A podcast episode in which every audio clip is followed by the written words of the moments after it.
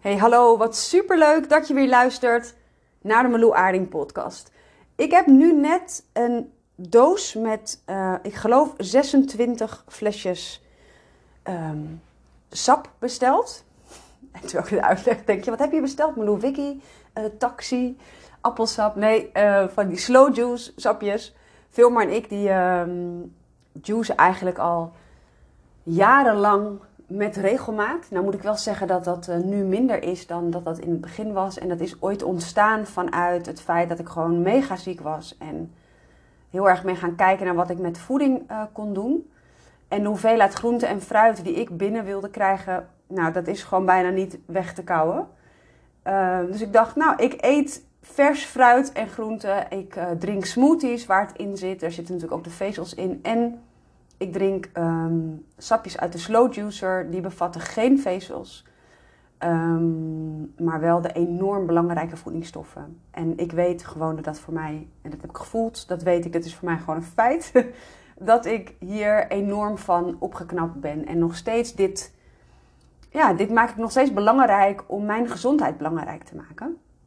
Maar eerlijk is eerlijk, het slow juicen uh, kost natuurlijk best veel energie. En een van de dingen die voor mij echt um, nou, gelijk stond aan overvloed en aan uh, het verlangen wat ik heb uh, om een bepaalde levenskwaliteit neer te zetten. En daar is mijn bedrijf zeker een onderdeel van.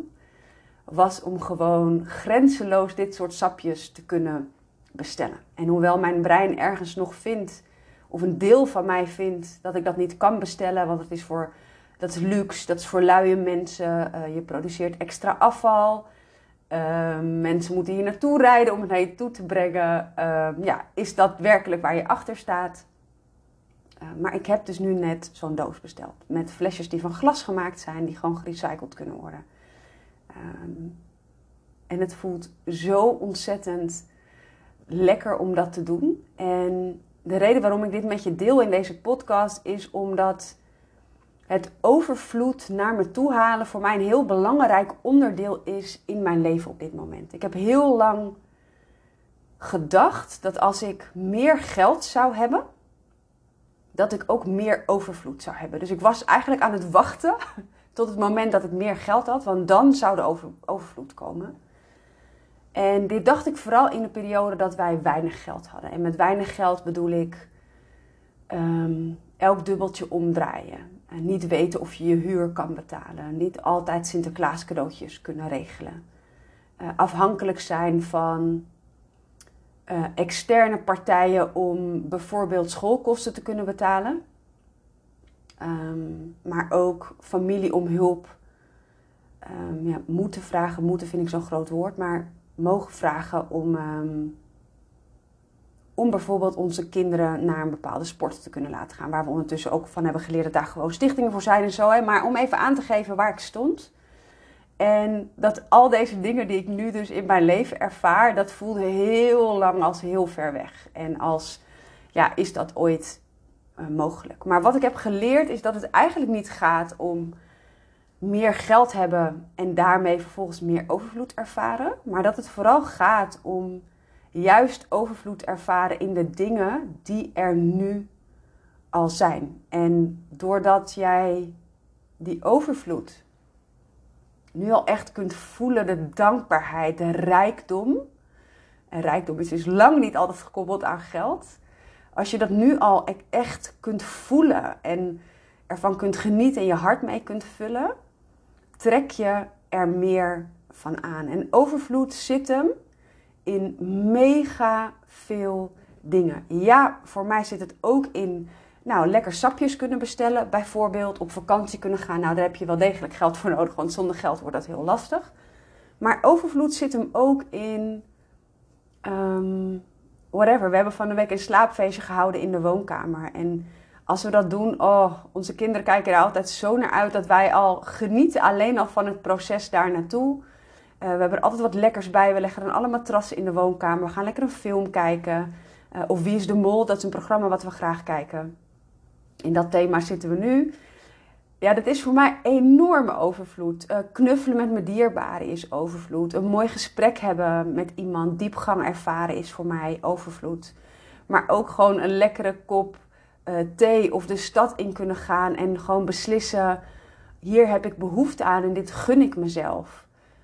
Um, ik heb heel lang gedacht dat materiële dingen willen een soort luxe was die te maken had met egoïsme of met materialisme. En ik wilde niet materialistisch zijn, dus dat heb ik heel lang ver bij mij vandaan um, geprobeerd te houden, of eigenlijk daarmee dus weggeduwd. Maar op het moment dat ik, als iets voor mij van waarde is, ik noem maar wat hè. Mijn zoontje die draagt heel graag van die fluffy sokken in de winter. Dus die draagt geen sloffen, maar van die hele dikke uh, sokken met van die anti-slip bolletjes eronder. En die van hem waren zo versleten dat er gewoon gaten in zaten. En we zeiden, joh, we moeten gewoon even nieuw halen. En die hebben we besteld. In de stad konden we ze niet vinden, we hebben ze online besteld. Ook dat voelt voor mij als overvloed. Dan heb je het over sokken van, nou, wat waren ze, 15 of 20 euro? En het, het is dus materiaal. Maar als ik weet hoeveel warmte dat brengt voor mijn kind en hoe gelukkig hij daarmee is en hoeveel geborgenheid hem dat geeft, ja, met liefde dat ik daar geld aan uitgeef. Dus het gaat er niet alleen maar om, gaat het om een materiaal of zelfs over hoe duur het is, ehm, maar om wat het jou waard is. En voor de een is dat de een vindt een auto iets heel bijzonders. Ik heb daar zelf bijvoorbeeld minder mee. Ik zou daar echt niet heel veel geld aan uitgeven. Ik weet dat veel, maar mijn man, die, uh, ja, een van zijn dromen is echt wel een dikke vette bak hebben. En voor hem staat dat voor heel veel verschillende dingen. En voor hem is dat het dus waard. En als jij voor jezelf kunt voelen, hier hecht ik waarde aan, om wat voor reden dan ook. Jij weet dat, om wat voor reden dan ook uh, en je kunt dat jezelf gunnen. Ja, voor mij is dat ook overvloed. En ik ben toen ik uh, in financieel, nou, in een moeilijke periode zat, of wij in een moeilijke periode uh, zaten, ben ik hier eigenlijk nog veel bewuster naar gaan kijken. Naar alles wat we wel kunnen doen, naar alles wat we wel kunnen betalen. Het is zo makkelijk om te zien naar wat er niet kan. Maar om ook daar constant bewust bij stil te staan. En uiteindelijk kon dat groeien naar. hey, ik kan dus ook de keuzes maken om overvloed bewust op te zoeken. Zo klein of zo groot als dat ik zelf wil. En dat zit hem voor mij bijvoorbeeld in dat we vorige week naar een theewinkel zijn gegaan om verse thee uit te zoeken. En dan met de kinderen gewoon te gaan ruiken welke ons aanspreekt. En voor mij is dat ook um, overvloed. En het helpt mij te connecten met die levenskwaliteit die ik mezelf gun. Verse bloemen halen is voor mij ook overvloed. Het was heel lang iets wat niet mogelijk was. Um, en dat probeer ik regelmatig te doen. Iets te doen waarvan ik al even kan voelen: hey, hiermee haal ik het leven waar ik naar verlang, wat voor mij meerwaarde heeft, haal ik naar me toe. En overvloed kunnen voelen en daar dankbaar voor kunnen zijn, uh, ja, ik kan je niet vertellen hoe, wat voor belangrijk onderdeel dat is geweest in mijn reis naar meer groei, meer succes en het aantrekken van meer, um, meer geld. Want van de week, ik zei het ook tegen veel, maar ik, ik was ongesteld. Nou, dat is dat, mijn winterperiode, dat is de periode waarin ik normaal echt niet op mijn best ben. Ik voelde me intens gelukkig. En het was op een dag waarop ik de kinderen alleen had, veel meer was aan het werken. En jaren geleden waren dat dagen voor mij waarop ik hulp nodig had, omdat het me niet alleen lukte om met de kinderen thuis te zijn, omdat ik fysiek zo slecht was. Um, ik weet hoe het voelt om geen geld te hebben. We waren naar de stad gegaan en uh, je hebt bij de HEMA van die, je kan daar hotdogs halen. Nou, eet ik geen vlees, maar je kunt er ook van die groente hotdogs halen. En we liepen langs de HEMA en ik zei, joh, willen jullie een groente hotdog? En kinderen helemaal happy. Oh, lekker mam, dankjewel. En ik zie ze gewoon genieten.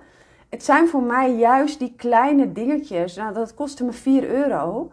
Die, die, ja, die mijn hart vullen. En um, ik weet dat ik tegen veel zei. Hij kwam thuis en ik zei: Oh, ik, ik, ik voel me gewoon helemaal overstromen van, van geluk. En ik geloof gewoon dat dat te maken heeft met dankbaar zijn voor wat er al is. En de grootste dingen waar wij naar verlangen, hè, intimiteit, liefde, geborgenheid, um, die, die zitten niet in geld.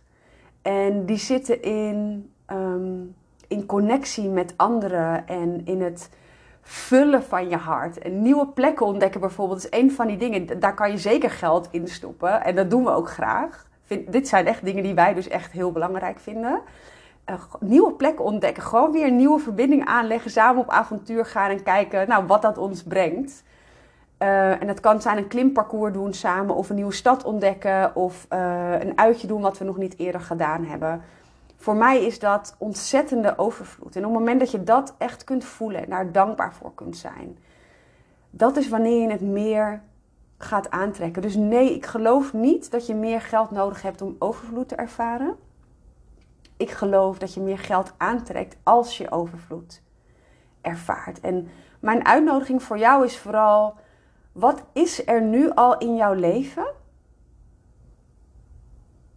waar jij die overvloed al in ervaart. En net zo belangrijk, hoe kun jij overvloed nog meer uitnodigen? Misschien verlang jij wel naar regelmatig ergens lunchen buiten de deur.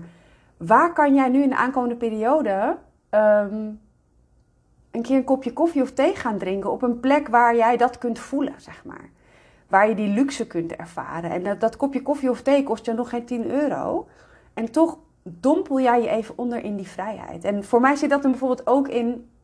Ik heb een dagje sauna voor, voor mezelf gereserveerd. En voorheen deed ik dat alleen wel eens met Filmar of wel eens met een vriendin. Maar dat was eigenlijk best zeldzaam dat ik dat deed. Misschien twee keer per jaar.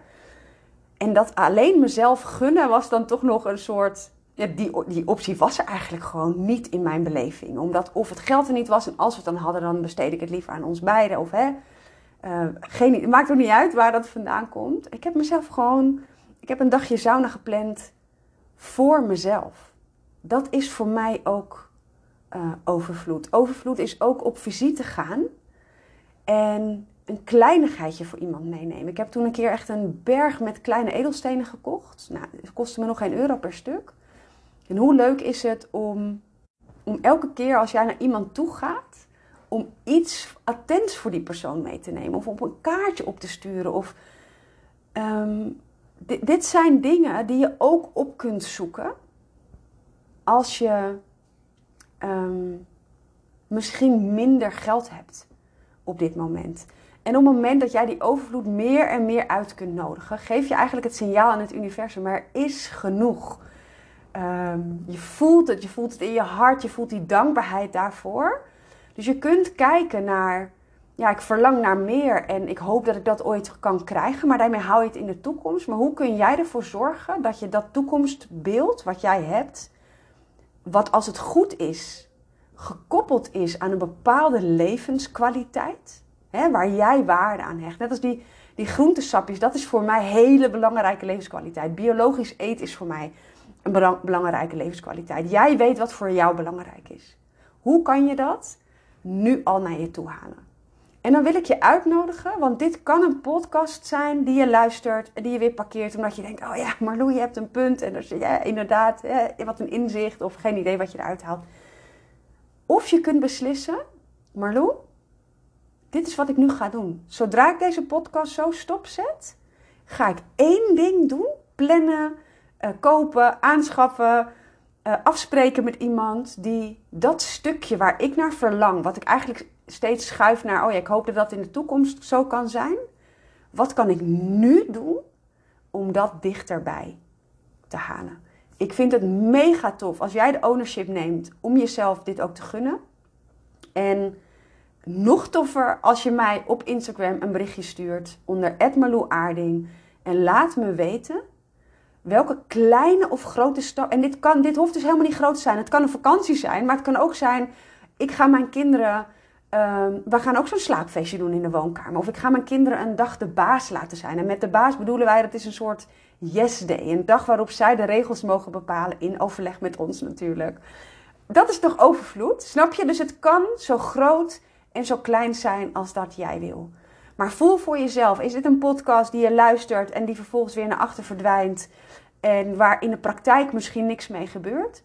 Of kies jij ervoor om de overvloed waar jij naar verlangt, om dat nu, op dit moment, een klein beetje meer uit te nodigen in je leven? It's up to you. keep me posted. Vind ik oprecht superleuk. Thanks for listening en tot in de volgende podcast.